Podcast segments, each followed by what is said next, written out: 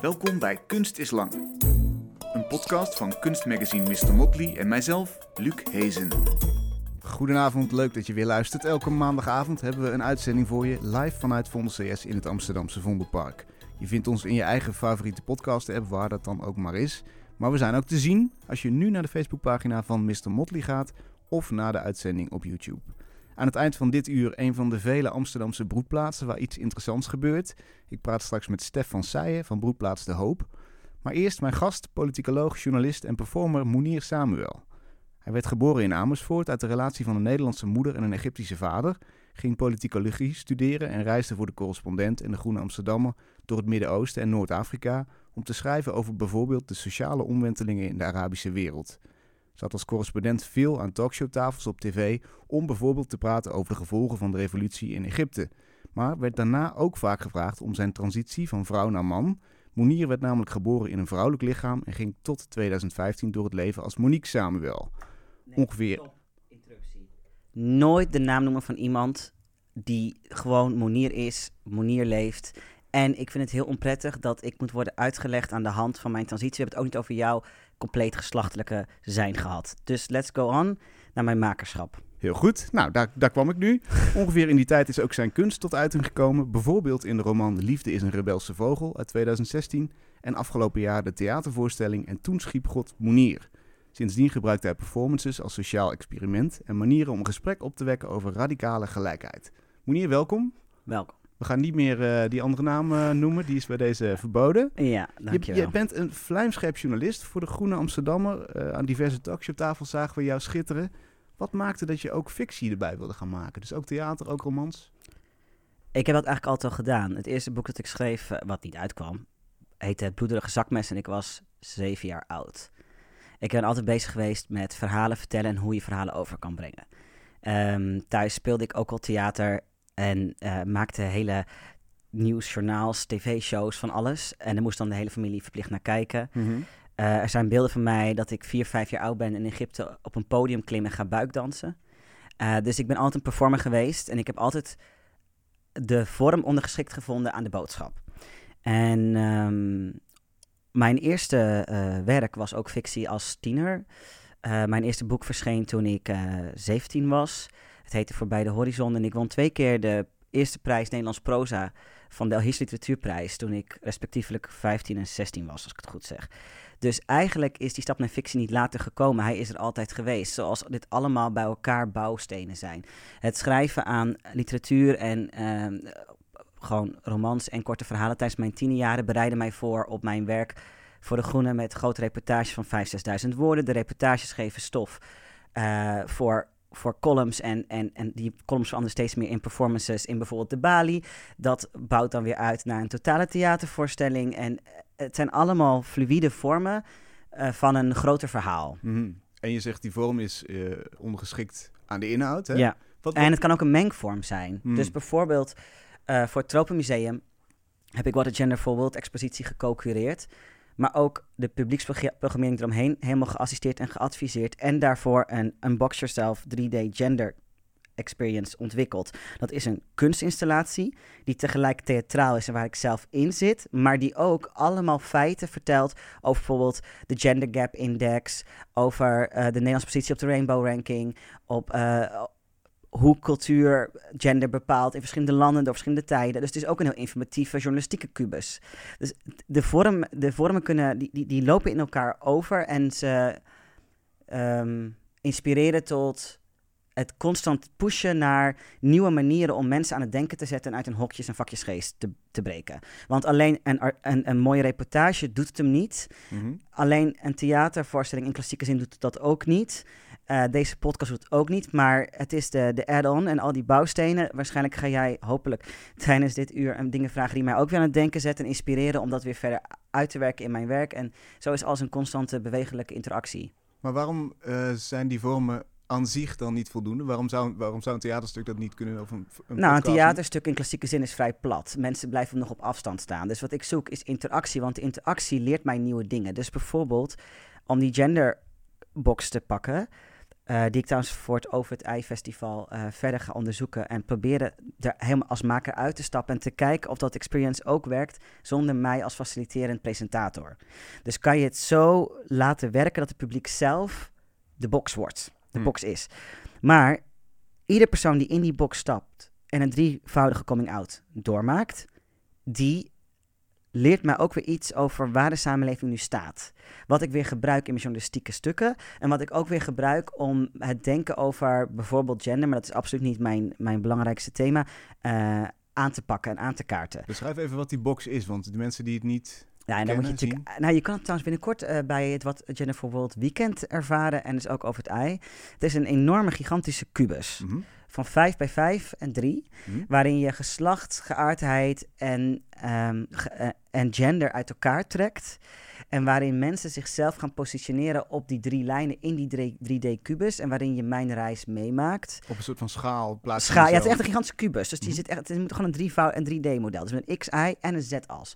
Voor iedereen die nog een beetje iets van wiskunde weet. Dat ze niet heel veel kunstenaars zijn, maar you never know. En eh, je gaat op verschillende trappen en hoogte staan en alles maakt dingen inzichtelijk. Dus bijvoorbeeld als je geboortegeslacht cis man is, sta jij helemaal hoog op een trappeltje te bungelen op drie meter hoog in die kubus. Als jij cis vrouw bent, dan sta, lig je op de grond bijna. Dus en, en, en daarbij komen allemaal pijnlijke feiten over de gender gap en waar Nederland eigenlijk staat. Die staat namelijk heel treurig laag, ook internationaal. En ehm, dat is gewoon een heel pijnlijk zichtbare confrontatie. Maar mensen reageren daar natuurlijk op. Mhm. Vrouwen willen niet laag op de grond staan. Worden ook boos op mij van waarom moet ik laag ge- gehurkt zitten met een grote ballon. En dan zeg ik, ja, dat, daar heeft u zelf voor gekozen. Jullie zijn met z'n allen de samenleving. Jullie kiezen hiervoor. Jullie houden deze verhouding in stand. Ik heb het niet bedacht. Ik ben hier ook maar door God neergezet. En het is zo interessant wat dat aan die interactie, wat dat oplevert en hoe je dat vervolgens weer verder kan uitwerken in bijvoorbeeld een nieuw boek wat ik aan het schrijven ben. Dus het is zo'n eindeloze ehm, ja, beweging. Is, is dat ook eh, het doel van zo'n kunstwerk inderdaad? Dat, je, dat, dat jij er ook mee door kan? Want je kunt ook zeggen, het gaat helemaal om het publiek, hè? Als, zolang zij maar... Ja, het gaat wel in dit geval het meest om het publiek, omdat ik gewoon wel merk dat mijn denken hierin vrij de tijd vooruit is. En dat het voor heel veel mensen voor het eerst duidelijk wordt wat het verschil is tussen gender, geaardheid en geslacht. Heel veel mensen hebben dat gewoon niet duidelijk. En die kubus helpt hen dat te begrijpen. Plus het, het is ook een heel spannend, leuke ervaring. Juist voor heteroseksuele personen of mensen die denken en in de illusie geloven dat ze dat zijn. Want het bestaat officieel maar niet. Maar goed, die dat denken dat ze dat zijn. Ehm, omdat ook een hetero persoon een coming-out doormaakt en zichzelf voor het eerst op geaardheid as moet plaatsen. En dat is super ongemakkelijk. En je ziet ook dat, Wa- waarom is dat een coming-out? nou, Wat gebeurt er? iedereen gaat op een plek staan. Dus iedereen heeft opeens een geaardheid. Ook heteroseksualiteit is opeens een geaardheid. En misschien niet de meest coolste. Maar, maar dat is toch, dat, is dat niet algemeen bekend? Ik bedoel, je, ieder- iedereen heeft toch een gaten? Nee, maar niemand hoeft toch publiekelijk met het publiek eromheen te zeggen: Dit ben ik. Het vraagt echt wat. Ga, ga, naar, kom uit de Jennifer Wilt, dan ga je het zien. Je, je ziet dat homoseksuele personen veel makkelijker trots op die as gaan staan Hm. dan een heteroseksueel persoon. En dat hetero's zich ook schamen om hetero te zijn. Dat is een nieuw woord, heteroschaamte. Die voegen we er naast alle andere schaamtes die er al zijn aan toe. Zijn hetero's ook vervuilender voor het klimaat? Kunnen we dat ook bij deze vaststellen? Is Nou, er is een bepaalde, eh, eh, natuurlijk een bepaalde ehm, relatie tussen wit, heteroseksueel, cis, man en geprivilegeerd zijn, economisch welvarend en Hmm. vervuiling. Dat is, die is er zeker. Vooral wel Een kausaal verband. Ja, Ja, maar dat welvarend komt voort uit eerder genoemde privileges. ja. Dus ja, helaas, lieve mensen, jullie mogen je heel erg schamen. Het is nog een extra as eigenlijk die erbij, die erbij zou komen. Nee, klimaat, daar, ben ik, daar, daar hoop ik een hele grote voorstelling over te gaan maken binnenkort. Over die voorstelling gesproken, in jouw theatervoorstelling pel je eigenlijk labels af die iets over identiteit zeggen. Hè? Ja, En ook nu eh, ja, gaat het ook over labels, ook in die box. Ja. Eigenlijk een moeilijke kwestie, want die labels. Aan de ene kant kunnen ze klemmen, kunnen ze iemand tegenhouden, kleiner maken. Maar ze Ja. kunnen ook houvast geven en juist heel waardevol zijn. ja, maar ik ben, ik ben helemaal niet blij met dat houvast. Dat houvast is, komt voort uit geestelijke leegte. Dus omdat we niet meer weten wie we zijn en waar, waarom we bestaan, gaan we wanhopig van bijvoorbeeld geaardheid of van bijvoorbeeld onze huidskleur ehm, een identiteit maken die dan die leegte moet opvullen. Wat alleen maar leidt tot onderscheid, wat er wezenlijk zielsmatig niet is. Dus Mhm. wanneer wij, wanneer de kijker dan, hè, want tegenwoordig schijn je dus podcast te moeten kijken. Als je dan naar ons kijkt, dan zou je zeggen, nou, daar zit een cisman. Ik ben heel duidelijk al gedefieerd als niet-cis. Dat moest heel erg duidelijk worden benoemd. Ook had ik gezegd dat ik dat niet wou. Jij bent wit, ik niet. ik, ik, heb nou niet gehoord dat je dat niet wou, hoor. Niet defensief worden, dat is wat voor afgesproken. Er zijn dus allemaal aanvankelijke verschillen die eigenlijk in het huidige identitaire debat bijna ieder gesprek onmogelijk maken. Um, sterker nog, er zijn gewoon groepen die zeggen: Ik als zwarte vrouw wil niet meer praten met een witte man. Om een voorbeeld te geven. En, mhm. en andersom, we hebben net weer een hele mooie tweet van Baudet langs zien komen. Dus die, die, die, die, die splitsing in de samenleving is extreem groot. En dat gebeurt op basis van identiteiten. Identiteiten die jou een heel helder kader kunnen geven, die mij een heel helder kader kunnen geven, maar die ons samen niet verbinden. Want ze gaan uit van onderscheid. Mijn huiskleur is alleen relevant te noemen wanneer jij een andere huidskleur hebt. Net zoals zeg maar, iemand in Afrika, in Sub-Sahara-Afrika, is niet zwart. Die noemt zichzelf niet black. Die is gewoon wat de rest ook is. Er zitten gradaties in colorism, maar je gaat niet black voor je naam zetten. Hier in Nederland, in een witte meerderheidssamenleving, is zwart zijn een enorm ding. En het is goed om dat in te zetten wanneer je een punt wil maken over bijvoorbeeld privileges of discriminatie en al die zaken. Maar uiteindelijk moeten we naar een wereld toe voorbij de identiteiten waarin je weer elkaar echt ontmoet. Want voor elk verschil dat wij hebben, hebben we enorm veel gemeenschappelijk. Dus als je met het oog kijkt, dan zie je wel twee mannen, maar voor de rest allerlei andere verschillen. En je kan het nog verder invullen. Mensen die mij zien, eerste oogopslag denken die is Marokkaan en moslim. Twee identiteiten die ik niet heb. Had ik ook niet gevonden wel te hebben, maar die heb ik niet. Uh, als ze jou zien, denken ze: oké, dat is een Hollander, bla bla bla. Jij bent een Nederlander, ik niet. Terwijl het allebei zijn. Terwijl als wij gaan praten, we hebben een gezamenlijke passie voor cultuur, voor kunst. We hebben waarschijnlijk best wel wat overeenkomst in muzieksmaak of in bepaalde kleding of bepaalde series die we kijken op Netflix of whatever else. Maar daar kom je niet als je niet voorbij dat eerste identiteit komt. En daarbij ben je, mag jij je identiteit hebben zoals je hem hebt of bepalen anderen voor jouw identiteit. Dus om terug te gaan naar het ongemakkelijke intro. Mag ik gewoon zeggen ik ben man en ik ben man? Of moet daarbij altijd een toelichting volgen dat ik eigenlijk geboren ben als vrouw? Nee, in een vrouwelijk lichaam. Oké, je corrigeert jezelf in de volgende zin. En, en, en, en, en. Dus we zijn, als het gaat om identiteiten, niet vrij. Als ik op straat loop, mensen denken precies te weten wat ze zien.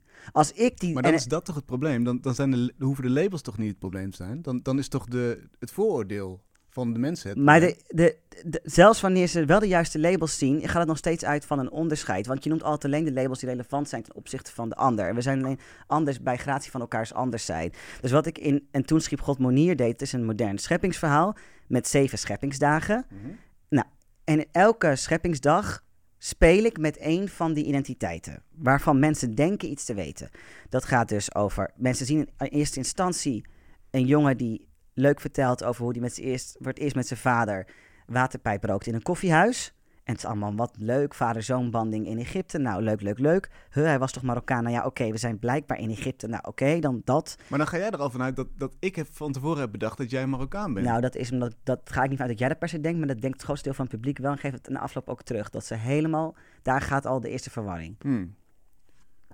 Want ze horen Arabisch en ze zien dit en dat. En ze denken dan primair, in de Nederlandse context aan Marokko. Oké, Egypte, oké. Leuk, jongen. Oh, maar hij wordt uit het koffiehuis gezet omdat zijn lichaamsvormen ongemak roepen en dit oproepen en dit een mannenplek is. Maar ik zie een man. Hoe werkt dit dan? Dus daar begint de eerste verwarring voor mensen die niet mijn hele verhaal kennen. Nou, volgende dag speel ik met geloof. Mensen denken hij is moslim, ook omdat ik mijn eerste spoken word in de voorstelling gaat over de islam. Maar ik geef in de volgende zin direct na die spoken word aan dat ik naar de Vormde Bondskerk ga in Amersfoort, midden in de Bijbelbelt. Ook iets wat mensen niet verwachten. En je speelt dus eerst met identiteit. En je benoemt ze omdat ze inderdaad iets vertellen over mijn geschiedenis, mijn leven, mijn mhm. struggles enzovoort enzovoort. Maar uiteindelijk probeer ik te laten zien, al die identiteiten zeggen nog steeds niet wie ik ben. Want zelfs al zullen we nu al mijn identiteiten opsommen. Dus ik ben Egyptische Nederlander. Ik ben een transman inderdaad. Ik ben seksueel fluïde. Ik heb een oogziekte en maar 8%. Ik ben zeer overtuigd christen gespecialiseerd in de islam. Nou, dan kan ik nog een paar andere noemen. Mhm. Wat weet je nu van mij? Niks. Weet je wat mijn hobby's zijn? Weet je wat mijn interesses zijn? Weet je wat mijn politieke voorkeur ligt? Maar dan zeg Weet je, je waar ik... er zijn te weinig labels. Want, nee, want, we zijn, ons karakter, ons ziel gaat voorbij labels. Wij zijn niet die labels. Wij maken onze identiteit labels. En bijvoorbeeld musea, die richten zich dus met doelgroepen daar heel specifiek op. Dus we hebben een roze week, want LGBT-personen zouden allemaal wel een roze week willen. En we doen een uh, Viva Marokko, want dan krijgen we alle Marokkanen. En dan doen we een Suriname-tentoonstelling die voor Suriname trouwens helemaal niks nieuws leert, maar vooral voor witte Nederlanders die nooit in Suriname zijn geweest. Want dan hebben we de Surinamers iets gedaan. Terwijl je totaal daarmee mensen tot een eendimensionale identiteit maakt. Wie zegt dat ik als vermeend LGBT-doelgroep persoon behoefte heb aan de volgende LGBT-regenboogtoestand. Misschien wil ik gewoon moderne kunst kijken, of misschien wil ik gewoon naar een reggae-concert. Maar dat zit niet in het culturele programmeren op basis van doelgroepen. Er is blijkbaar een norm voor de witte museumbezoeker of de witte festivalbezoeker, die en een keer naar het Rijksmuseum van Oudheden gaat, en een keer naar het Stedelijk, en een keer naar het Drents Museum, en ook nog een keer naar Paradiso. En daartegenover de mensen met al hun subidentiteiten, die alleen geïnteresseerd zouden zijn in dingen die dan gerelateerd zouden zijn die identiteiten. Klinkt inderdaad niet, niet zo best. Nee, wij zijn dat gewoon niet. Niemand is dat. Jij bent meer dan identiteit en ik ben meer dan identiteit. En uiteindelijk zullen, zullen we elkaar moeten ontmoeten voorbij die identiteit. En hoe hoe doe je dat in een wereld die toch ook efficiënt moet zijn en die toch ook een bepaalde snelheid vraagt? Hoe, hoe laten we zeggen dat we alle labels opzij schuiven? Ja. Hoe ziet, hoe dat ziet zou heel utopisch zijn. Ja, maar hoe, hoe, hoe, geef me eens vorm op een manier die, die inderdaad minder utopisch is, of die in ieder geval haalbaar is, praktisch. Nou, het begint met als je een gesprek met elkaar voert, bijvoorbeeld dus hier, moet je in de introductie iemands identiteit noemen. Want ik weet zeker dat als ik een witte Floor, uh, Floor was geweest uit uh, Bussum, die leuk net vier jaar in Amsterdam woont en een leuk project heeft. Dat er wordt gezegd, Floor, geboren in Bussum, werkt nu aan een leuke performance genaamd Girls Will Be Boys. Ze studeerde bla bla bla bla bla, deed bla bla bla bla en woont nu in de na na na na. Dat is de introductie van Floor de introductie van Mohammed is. Mohammed is een uh, Nederlander met Marokkaanse roots, geboren in de Schilderswijk. Hij groeide op in een islamitisch gezin, nou, maar kan... later... En daarmee... maar wacht even. dit, dit, wil ik even. Hier wil ik even op ingaan, want ik noem alleen dingen in de intro die relevant zijn voor wat we gaan bespreken. Dus als het over identiteiten gaat en als dit jouw mediageschiedenis is... Uh, dan, dan is dat relevant. Nee, het, het is irrelevant misschien wanneer ik zelf bereid ben en dat zelf inbreng. En ik doe dat ook. Ik doe het in al mijn werk en al mijn schrijven. Ja. Maar je vroeg hoe ziet een wereld eruit? Nou, een wereld waarin je allebei op gelijke voet begint. Dus je begint allebei vanuit je professie mm -hmm. en verder niets. En dan later kan je vragen: zou je iets willen vertellen over je roots? Zou je iets willen vertellen? Maar dat is een heel ander startpunt. Dus jij vraagt mij: hoe ziet die wereld er ideaal uit? Ja. Nou, dit zou een enorme stap vooruit zijn voor onze samenleving. Hm. Dat iedereen begint op basis van beroep of interesse en niet op basis van identiteiten. Want het punt is dat jij niet op die manier wordt geïntroduceerd. Jouw nationaliteit, geaardheid, geslacht worden niet genoemd door een podcast-interviewer die jou voor het eerst aan tafel uitnodigt. Die noemt je werk, je interesses en misschien je geboorteplaats. En daarna ga je direct beginnen over dat maken. Ik moet ik moet eerst praten over mijn afkomst en mijn geschiedenis. En dan kan ik misschien toekomen aan dat maken. Dus, maar die vind ik interessant, omdat ze in jouw werk terechtkomen. Dus, dus maar de werk zou, is de trechter. Maar de vraag is, wie is de eigenaar over het verhaal? En in mijn verhaal probeer ik dus juist constant dit te deconstrueren. Hmm. En uh, wat je zag bij de reacties van het uh, publiek... Dit is trouwens lekker ongemakkelijk, maar een heel goed gesprek. Het is heel goed, want het is een, een gesprek van de dag eigenlijk in deze samenleving. Dus ik ben heel blij dat we het hier voeren. Mm No worries. Um, als je het hebt over mijn voorstelling, bijvoorbeeld, een deel, van het, een deel van het publiek wist wie ik was. Die hebben voorgeschiedenis, dus die weten heel goed waar ze naar kijken en zijn dan helemaal in shock omdat ze zich niet realiseren hoeveel ik heb meegemaakt. Maar dat was dan ook, en, en, en de vormen van ze allemaal tof, maar die zijn best wel ingevoerd in het verhaal. Dus die hebben niet dezelfde um, spiegel gekregen als het deel van het publiek dat er heel blasé in komt, dat eigenlijk alleen op basis van een titel of op basis van een vriendin is meegekomen. En die op een gegeven moment was driekwart van mijn zalen standaard er puur omdat ze iets goeds over de voorstelling hadden gehoord en hadden ze zich niet verdiept in wie ik was. Of waren ze vergeten wie ik was, omdat ik er nu zo fysiek anders uitzie. Dus ze hadden me vroeger ooit op tv gezien, maar dat hebben ze niet gekoppeld. En die mensen, eh, en ik heb echt iedereen naar mijn voorstelling gesproken en bij de gemiddelde voorstelling bleven mensen 2,5 uur lang met elkaar napraten. Soms ook echt aan grote tafels, terwijl ze elkaar van tevoren niet kenden. Leveren hele mooie, mooie bijzondere uh, gesprekken op. Maar die mensen hadden de grootste shock. En op een gegeven moment kwam er een, uh, een, een ouder echtpaar naar mij toe in Veghel. En die zeiden tegen mij de hele voorstelling, dachten, waar kijken we naar? We kijken naar. Wat is hij nou? Is hij nou een jongen of een meisje? Wat is dit? Wat is dit voor verhaal? We snappen er helemaal niks van. Is hij nou moslim? Wat, wat, wat gebeurt hier? En na de helft van de voorstelling dachten we, weet je, wat doet het er eigenlijk ook toe? En daar ging het je om, hè? Daar ging het je om. Dat er helemaal niet te doen. Want daarna was het geweldig. En die reactie was. En ze waren helemaal blij van het eigen inzicht. Mm. Maar die reactie heb ik in allerlei vormen en op allerlei manieren eigenlijk heel veel uh, uh, gekregen. En dat mensen opeens voelden hoe bevrijdend het kan zijn als je het gewoon niet hoeft te weten. Als je gewoon iemand kan ontvangen, want dat doe je als publiek. Je ontvangt dan die acteur met zijn hele verhaal en al zijn lichaam en dans en toestanden, zonder nou precies te snappen hoe het zit. Want als ik aan het eind van de voorstelling vroeg aan mensen: Denken jullie nou dat ik moslim ben of christen? Wisten ze het nog steeds niet. Mhm. Maar ze hadden het losgelaten, want in ieder geval ben je heel gelovig.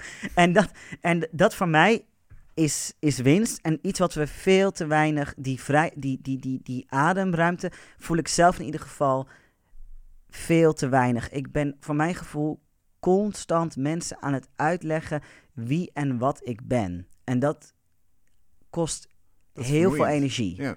Ja. Om, omdat je daarmee ook kunt veronderstellen dat het, dat het niet oké is of zo, hoe je, hoe je er dan Nou bij ja, loopt, of ja, mensen hebben daar dan ook een mening over. Ja, Ja. precies. Vaak. Maar eh, dus eh, om het nog even terug te brengen tot, tot concrete acties. Je, st- je staat op een feestje of je leert iemand kennen. Mm. Dan, dan ga je niet vragen wat, wat is je achtergrond, wat heb je gestudeerd, hoeveel verdien je. Maar wat vind je leuk om te doen? Wat ben je Nou, nou ik, wat ik een hele mooie, altijd een mooie opening vind, waardoor je een heel ander gesprek krijgt. Wat, waar droom jij?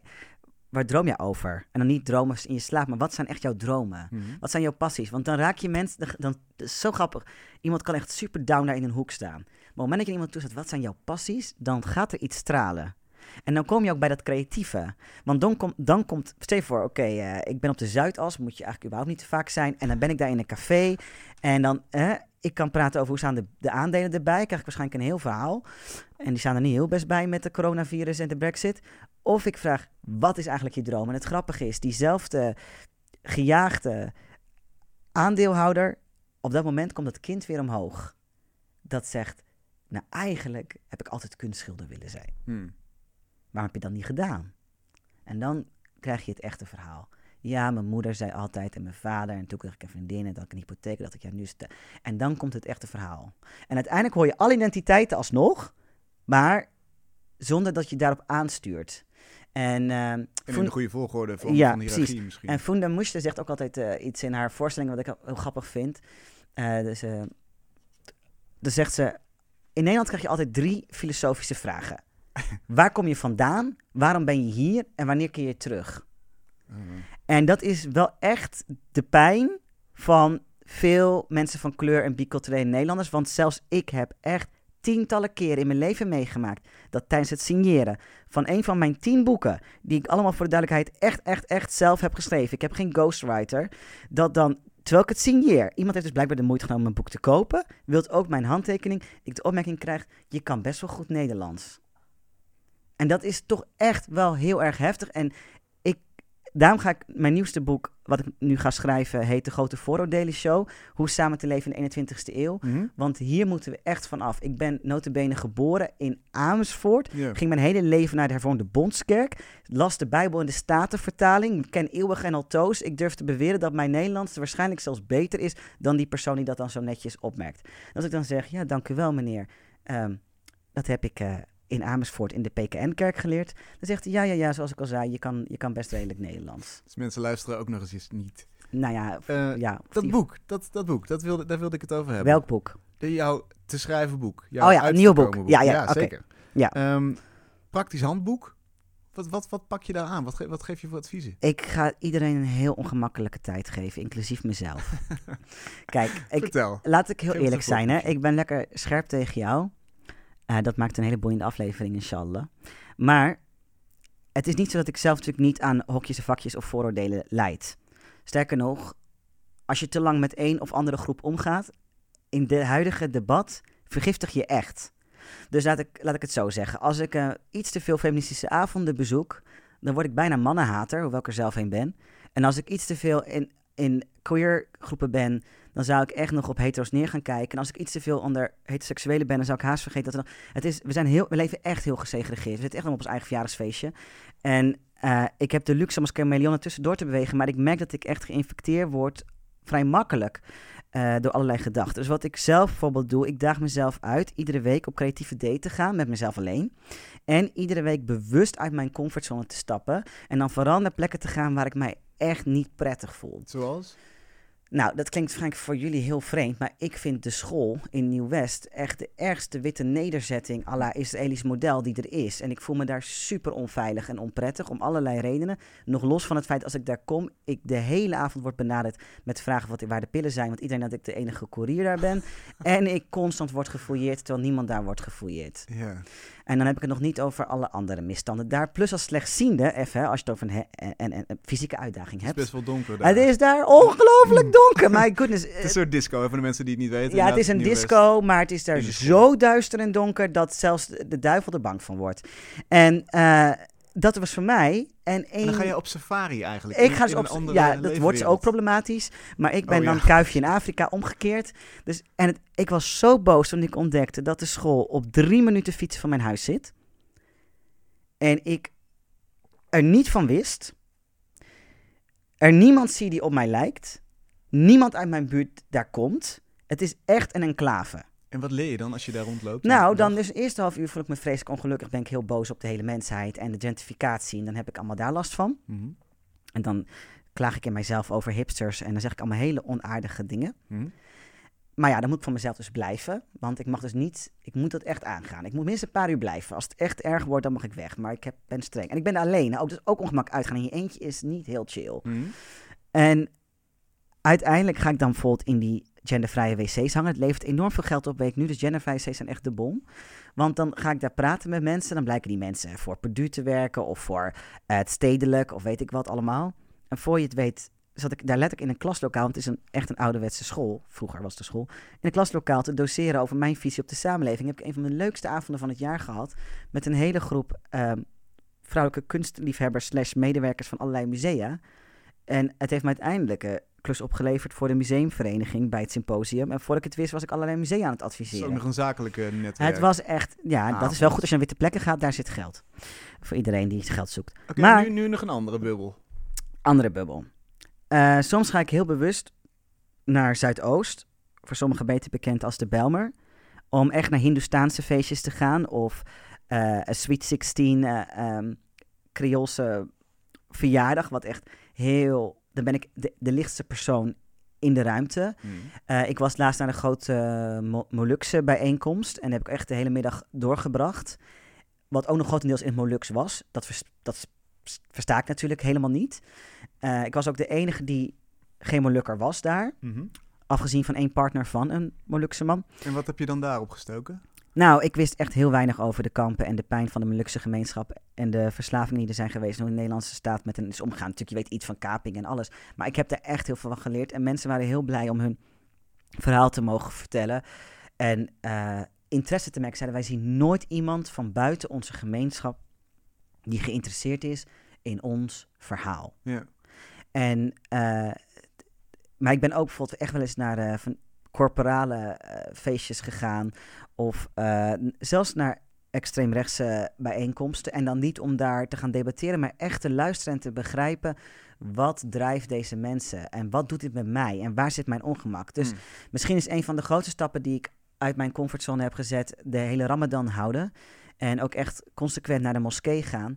En dan roept dat vraag in mijzelf op: kan ik bidden richting Mekka? Als ik de gebeden verricht, zeg ik letterlijk de shahada, de geloofspleinen, is dat Mohammed de laatste profeet is. Maar Mohammed zegt weer dat Jezus niet de zoon van God is. Dus als ik als christen Mohammed erken, val ik dan Jezus af? Kan ik dit gebed meebidden? Wat vind ik ervan dat ik nu tussen 1200 of 1400 mannen zit? Want tijdens de Ramadan zijn de moskee's helemaal bombomvol. Mensen zitten zelfs op de straat te bidden. Uh, hoe voelt dat?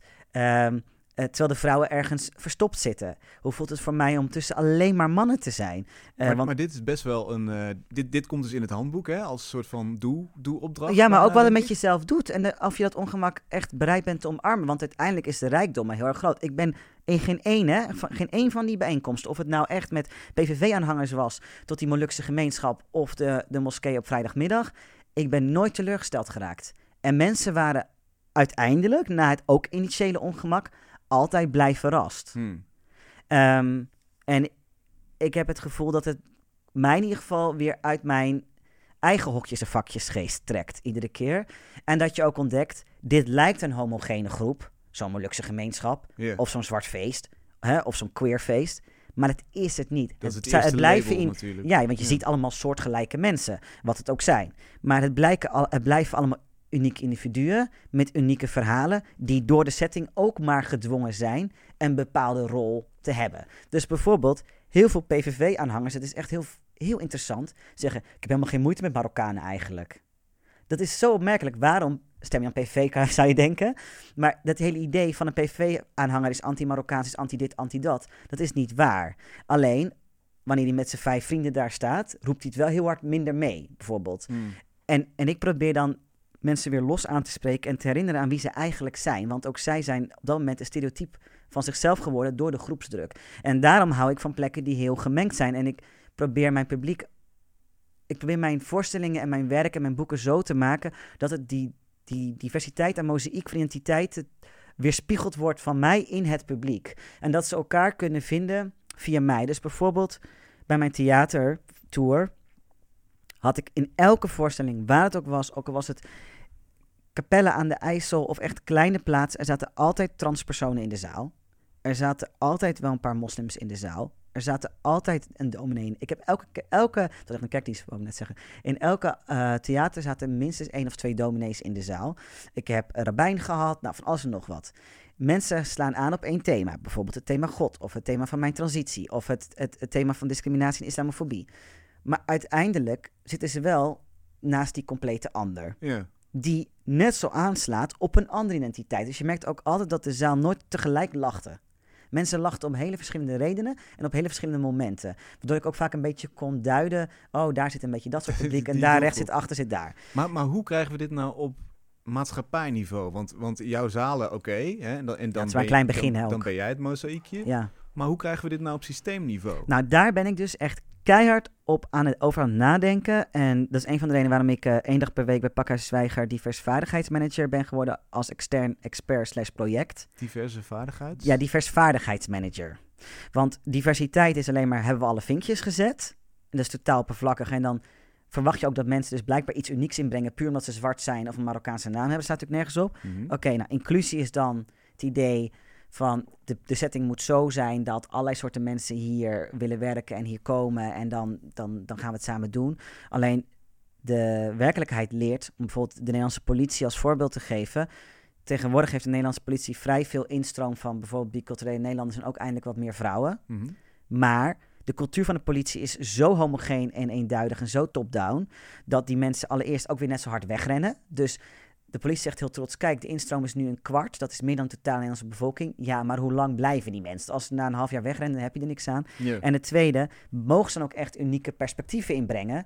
Of zijn ze na een half jaar zo geassimileerd dat je uiteindelijk met nog steeds dezelfde case en Henkjes te maken hebt. Alleen heten ze dan nu Mohammed en Aisha. Dus de cultuur moet veranderd worden. Ja, en dat doe ik dus met diversvaardigheid. Dat is eigenlijk de, de persoonlijke opdracht aan ieder mens die ik nu ga stellen het komende jaar. Om niet meer diversiteit en inclusie te zien als van hebben we die kleur en hebben we die identiteit. Mhm. Maar kunnen we een omgeving creëren waar zoveel mogelijk verschillende gedachten, wereldbeschouwingen, levensbeschouwingen en visies en politieke voorkeuren samen met elkaar in gesprek gaan. Want eerlijk, je kan een hele United Colors of Benetton hebben hier aan gasten. Maar als zij allemaal vegan zijn, allemaal ex-gelovig, allemaal lekker van een wijntje houden op vrijdag en weet ik wat allemaal niet. Dan is het gewoon één grote homogene groep. En allemaal in Amsterdam wonen en allemaal, weet ik veel, naar de school gaan om uit te gaan. Dan, dan, dan heb je wel ogenschijnlijk heel veel diversiteit, want je hebt allemaal kleurtjes hier zitten, allemaal mm. etniciteiten. Maar dan heb je geen verschillende perspectieven. En een samenleving en kunst wordt pas interessant wanneer je verschillende perspectieven inbrengt. En uh, voor mij is het veel interessanter om tien mensen te hebben met een totaal verschillende achtergrond, sociale klasse, levensbeschouwing, wereldvisie. De ene is super carnivore, de andere is super vegan, enzovoort en zo verder. Dan tien verschillende kleuren en iemand met een rolstoel en iemand met weet ik wat. Want het, uiteindelijk zit het allemaal lege hulsen. Ja, maar... Um... dus ik ben bezig met hoe kan je cultuuromslag creëren, zodat je echt open kan staan voor die verschillende perspectieven. Want wat je nu ziet, is dat de meeste organisaties wel nieuwe mensen aannemen, ook in de kunst- en cultuursector. Maar dat zijn wel mensen die heel erg in het vertrouwde veilige liggen. Dus oké, okay, ze is moslima, maar ze draagt geen hoofddoek, ze houdt niet de ramadan en ze bidt niet. Dan zeg ik niet dat ze daarmee geen moslima is, maar het is wel een hele veilige, prettige keuze voor de gehakt etende en uh, varkensworst etende uh, collega, laten we het hoe zo ver, Hoe ver moet je gaan, vind jij? Hoe, hoe, hoe groot is die, is die uh, brug die je moet slaan, als het ware? Want jij gaat echt best wel extreem naar andere nou, plekken, hè? Volgens mij. Is, maar uiteindelijk is, dus de extreem niet zo groot, hè? Uiteindelijk valt het altijd mee. Ja. Aanvankelijk lijkt het heel extreem. Ja. En hoe ver moet je gaan? Ja, hoe ver wil je gaan om jezelf te, te laten groeien en spiritueel uit te dagen? Hmm. Kijk, het, de, de grootste shock zit niet bij die mensen, maar bij mij. Ik moet door mijn vooroordelen heen. Ik moet door mijn aanvankelijk ongemak heen. Ik moet door mijn eigen gevoel heen. Hier heet iedereen Iris, Bente en, en, en Fleur. En ik niet. Maar toch, eigenlijk zijn het hartstikke leuke losse personen. En ik moet ze niet als een eenheidsworst zien. Uh, ik, ik moet me afvragen, waarom voel ik mij hier niet veilig? Wat is het in een voetbalstadion waarom ik mij daar niet veilig voel? Weet je, waar zit hem in? En hoeveel heeft het met hen te maken en hoeveel met mijzelf? Mm. En als ik nu gewoon ook keihard ga meebrullen, ook al ben ik niet voor deze club, voel ik me dan opeens onderdeel van dit geheel en kan ik op dit moment dan hier zijn en ervan genieten. En dat zijn uitdagingen. En als kunstenaar vind ik sowieso dat je altijd radicaal moet zijn en ver moet gaan, want anders maar ben, je, ben je jezelf niet aan het vernieuwen. Dus voor de kunstenaars onder ons, je moet jezelf uitdagen. Het spijt me. Oké, heel goed. uh, je, je, je, kunt ook zeggen, um, mensen houden van die groepen omdat het, omdat het veilig is, hè? omdat ja. het houvast geeft. Um, je mag soms wel thuiskomen bij bepaalde settingen. Ik, ik zeg niet van je mag niet je eigen vaste vrienden hebben of uh, het prettig vinden om bij een bepaalde sportclub te horen of bij een bepaalde yogavereniging of op zondag in de kerk te zitten. En dat mag je niet meer doen. Als je die andere perspectieven ook maar hoort. En, en nee, maar ook echt daarmee in gesprek blijft. Ja. In Nederland zijn we helemaal niet meer in gesprek met elkaar. Sowieso, misschien dat we elkaar nog wel uh, horen, maar we luisteren echt niet. En volgens mij wordt uiteindelijk daar niemand gelukkig van. Want ik vind het frappant dat eenzaamheid de grootste het grootste probleemfactor van deze tijd is en de grootste doodsoorzaak en de grootste reden tot depressie. En ik heb mezelf ook heel eenzaam gevoeld. Terwijl ik hier in een hartstikke levendige stad zit. De grootte van een postzegel. Dus je zit letterlijk op elkaar. Ja. Uh, we hebben hier geen Phoenixwijk en uitgebreide tuinen waar iedereen in zijn eigen tuin zit te barbecuen. Je zit letterlijk naast elkaar in het park en je voelt je dood alleen en eenzaam.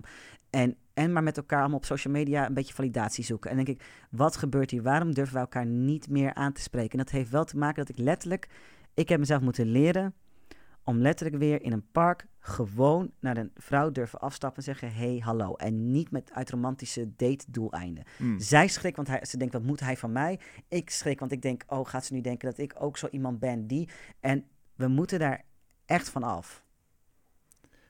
En ja, eh, ik vind het heel mooi. En het, het, volgens mij gaat het ook absoluut werken. Alleen hoe krijg je nou mensen die geen kunstenaar zijn, zover dat ze uit hun eigen comfortzone Nou ja, kijk, dan kunnen ze mij eens allemaal boeken. Want ik heb dus een grote vooroordelen-show ontwikkeld voor het bedrijfsleven en het maatschappelijk middenveld. Wat vreselijk ongemakkelijk is met zeven spellen waar je met uiterlijke identiteiten begint en langzaam bij je kernidentiteit eindigt.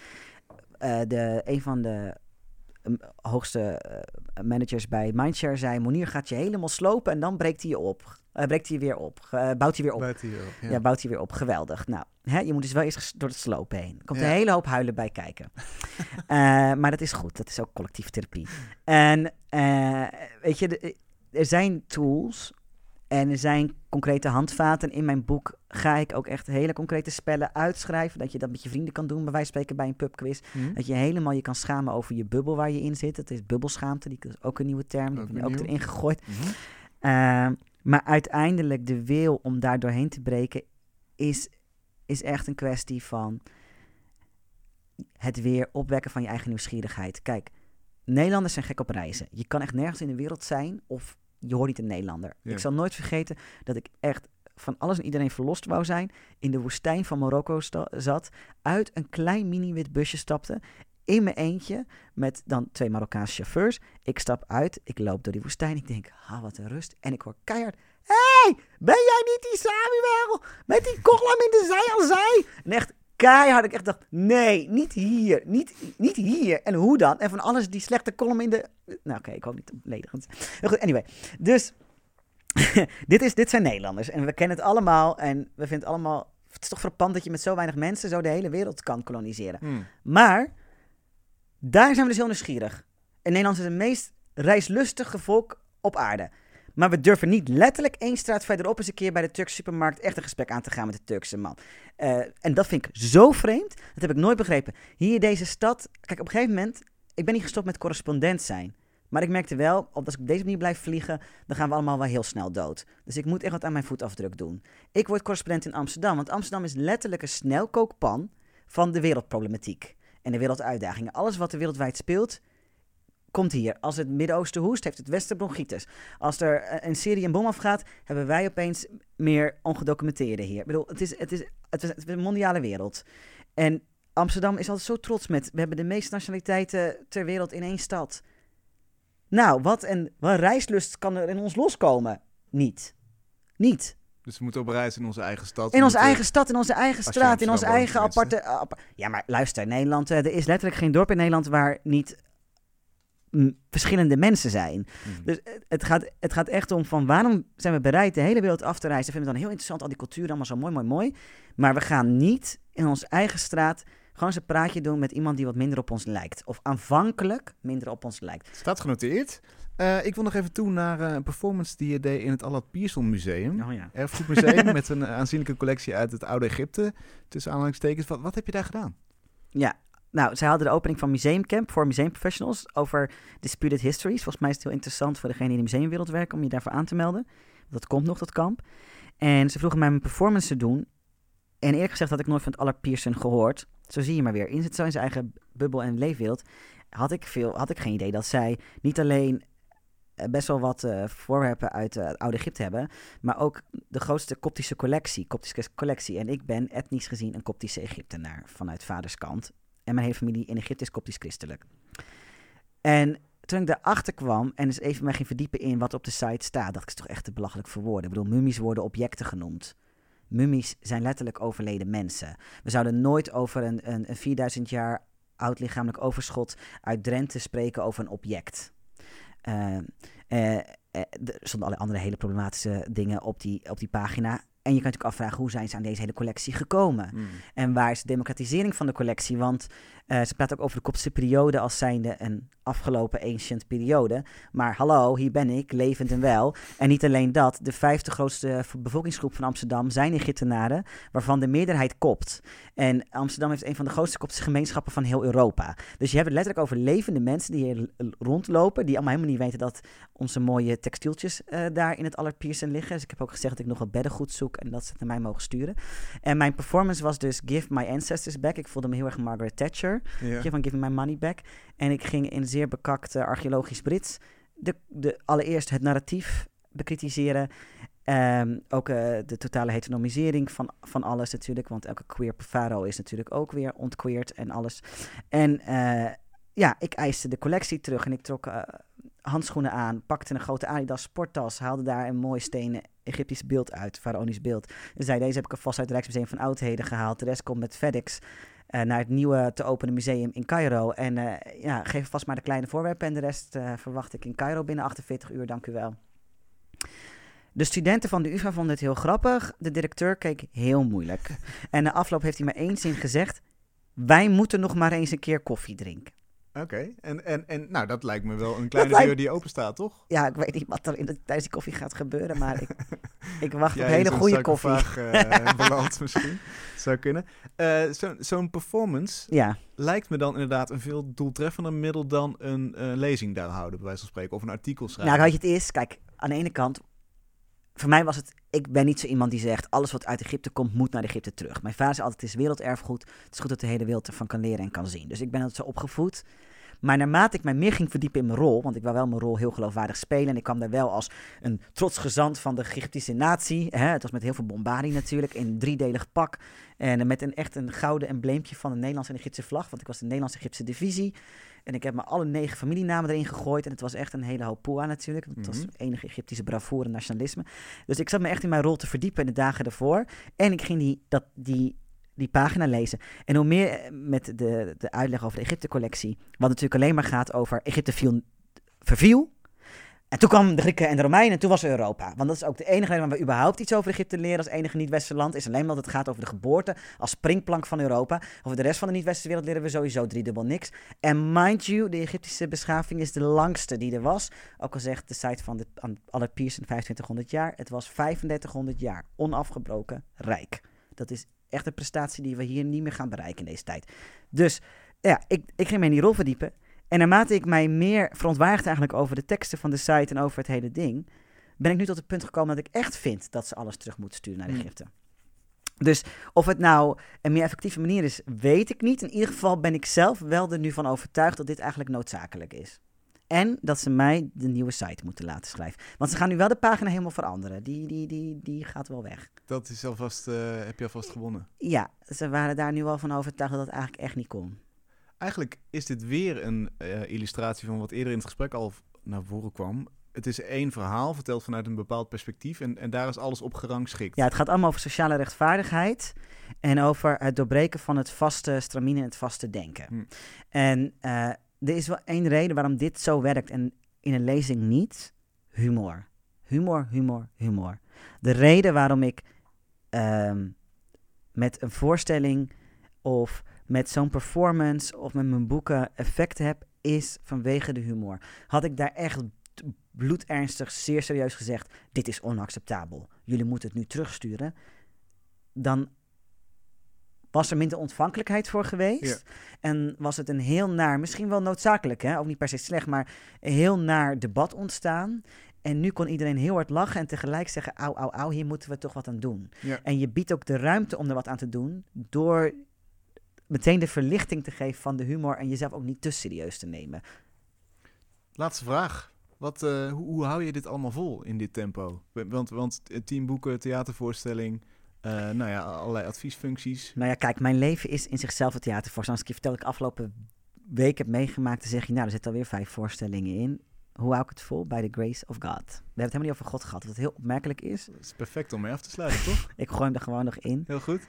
Eh, ik, kijk, voor mij is de Heilige Geest de speelse creatieve energie van God. En op eigen menselijke kracht ben ik snel uitgeput.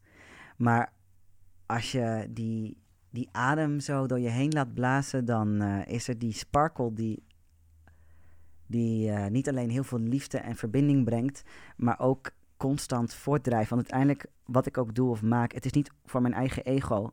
Ook al zullen mensen dat misschien denken. Het is echt met de vraag, hoe dien ik dit land, hoe dien ik deze samenleving, hoe dien ik mijn medemens? En is het in lijn met, met Gods liefde voor ons allen? En ik denk dat daarin ook ehm, uiteindelijk je een hele harde boodschap kan geven. Om, omdat dit de drijfveer is en niet van ik ben beter dan jij. Want ik ben de laatste om, om dat eh, te zeggen. Amen. Dankjewel. Fijn dat je, fijn dat je wilde komen. Ja, insgelijks. We sluiten af met eh, een broedplaats onder het bewind van bureau Broedplaatsen van de gemeente Amsterdam. En dat rekken we nu een beetje op die gemeente Amsterdam, want dit keer gaan we het hebben over een broedplaats in Zaandam. Namelijk broedplaats De Hoop. En daarvoor schuift aan Stef van Seijen. Hallo, Stef, welkom. welkom, dankjewel, dankjewel. Leuk alle- om aan te schuiven. Ja, die, die broedplaats, hoe groot is die? Heel groot. Ehm, wat we bouwen is niet zomaar alleen een, een broedplaats eigenlijk. We hebben een heel eh, terrein in een nog industrieel gebied, eh, net in Zaandam. Ons hele terrein beslaat zo'n eh 13.500 vierkante meter. Oké. En dat is buitenterrein en een grote hal en nog een gebouwtje ernaast. En dan in de grote loods zijn we een enorme broedplaats aan het bouwen. En hoeveel, hoeveel ateliers zijn er? Hoeveel kunstenaars kunnen er Ehm, werken? Ik heb even niet meer geteld wat, wat we als laatste hadden eigenlijk.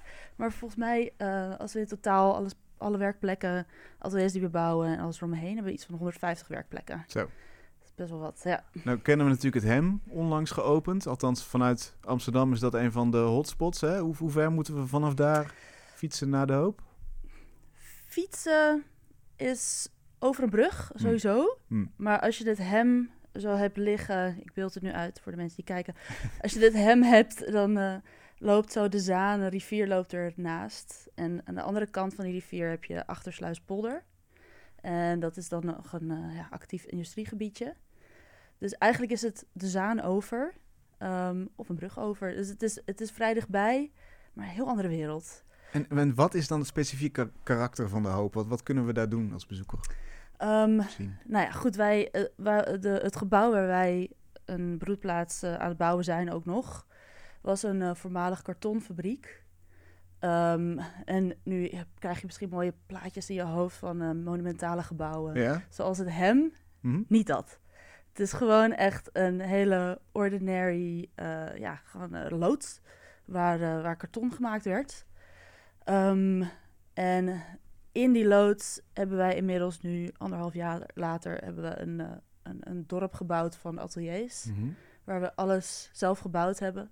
Dus echt de muren zijn sandwichpanelen die we zelf in elkaar hebben gezet.